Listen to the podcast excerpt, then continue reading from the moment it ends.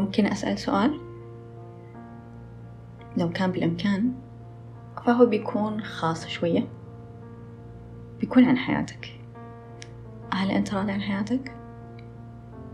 سواء كانت الإجابة أيوة أو لأ في سؤال هم هل تعتقد إنه الأحداث اللي صايرة فيها كويسة كانت أو شينة؟ هي من صنعك؟ ولا عايش في دور ضحية مثل الأغلب؟ هل تمتلك من الجرأة ما يكفي عشان تقول أنا مسؤول عن كل شيء أنا بعيشه اليوم؟ وما لأحد دخل في حياتي؟ ولا حتى في معاناتي؟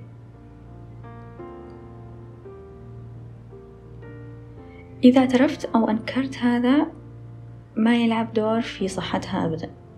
سواء كنت مؤمن أو كافر في الفكرة أنت قاعد تخوضها الآن بالفعل وبدون أي رغبة منك. العجيب في الأمر الفئة اللي دائما معارضة والكافرة في هذه الفكرة. لما تقول لهم ترى كل شيء يحدث أنت المسؤول عنه. وهو من داخلك. بيرد عليك بشكل جدا عنيف.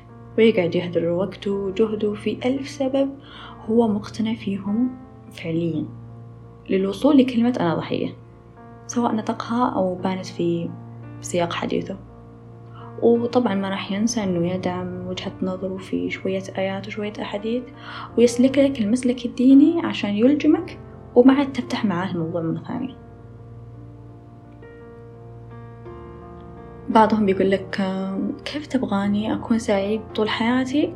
وربنا بيقول في كتابه لقد خلقنا الإنسان في كبد. وواثقين في تفسير هذه الآية بالتحديد بشكل يخليهم ماخذينها منهج في حياتهم. ويمكن ما فيما يخص هذه الآية في التحديد أكثر آية نسمعها في كل مكان وحتى في منابر الجمعة.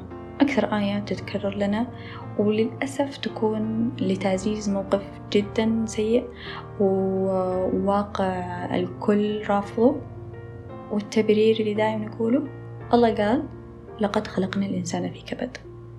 وتستمر البرمجة لعقود من الزمن والناس تبرر تعاستها في ظل تفسير هذه الآية.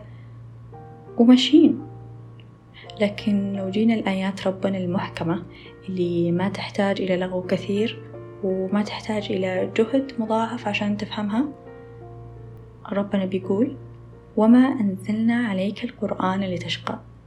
وكمان ربنا بيقول يريد الله أن يخفف عنكم الشقاء ممنوع.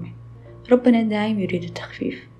لما تيجي لتفسير كلمة كبد في الآية الأولى ما ينفع نفسرها بعكس كلام الله في الآيات المحكمة والواضحة في بحث انعمل على ثلاثة وستين كتاب تفسير اتضح سبعين بالمية من المفسرين مفسرين كلمة كبد مستقيم واقف بشكل جميل. عشان كذا لو كملنا الآيات ألم نجعل له عينين ولسانا وشفتين؟ ربنا هنا بيتكلم بشيء جميل بعيدا عن التعب وعن المعاناة وعن هذه الأشياء. أكيد الحياة مو كاملة. وأيام يغلبها السواد وفي أخرى ناصعة لكن هذا ما يعني إن نكون تعيسين لمجرد إن فهمنا آية بشكل غلط أو كبرنا على مجتمع نمطي وانجرينا تحت القالب والمفاهيم الغلط طول حياتنا. بس لازم نعرف إنه مع الوعي بذاتنا والوعي اللي ما يخلينا نلوم أحد بنتائج واقعنا اليوم راح تكون عندنا مسؤولية وهي مسؤولية الخطوة الجديدة. بما إني عرفت إني طرف مشارك في تعاستي اليوم هذا ما يخليني أتقبل الواقع المر وأتحجج بالقدر. وأكيد ما نختلف إنه الأقدار مكتوبة عند ربنا لكن في احتمالات مرة كثيرة. وإنت كإنسان تختار احتمالك حسب تفكيرك.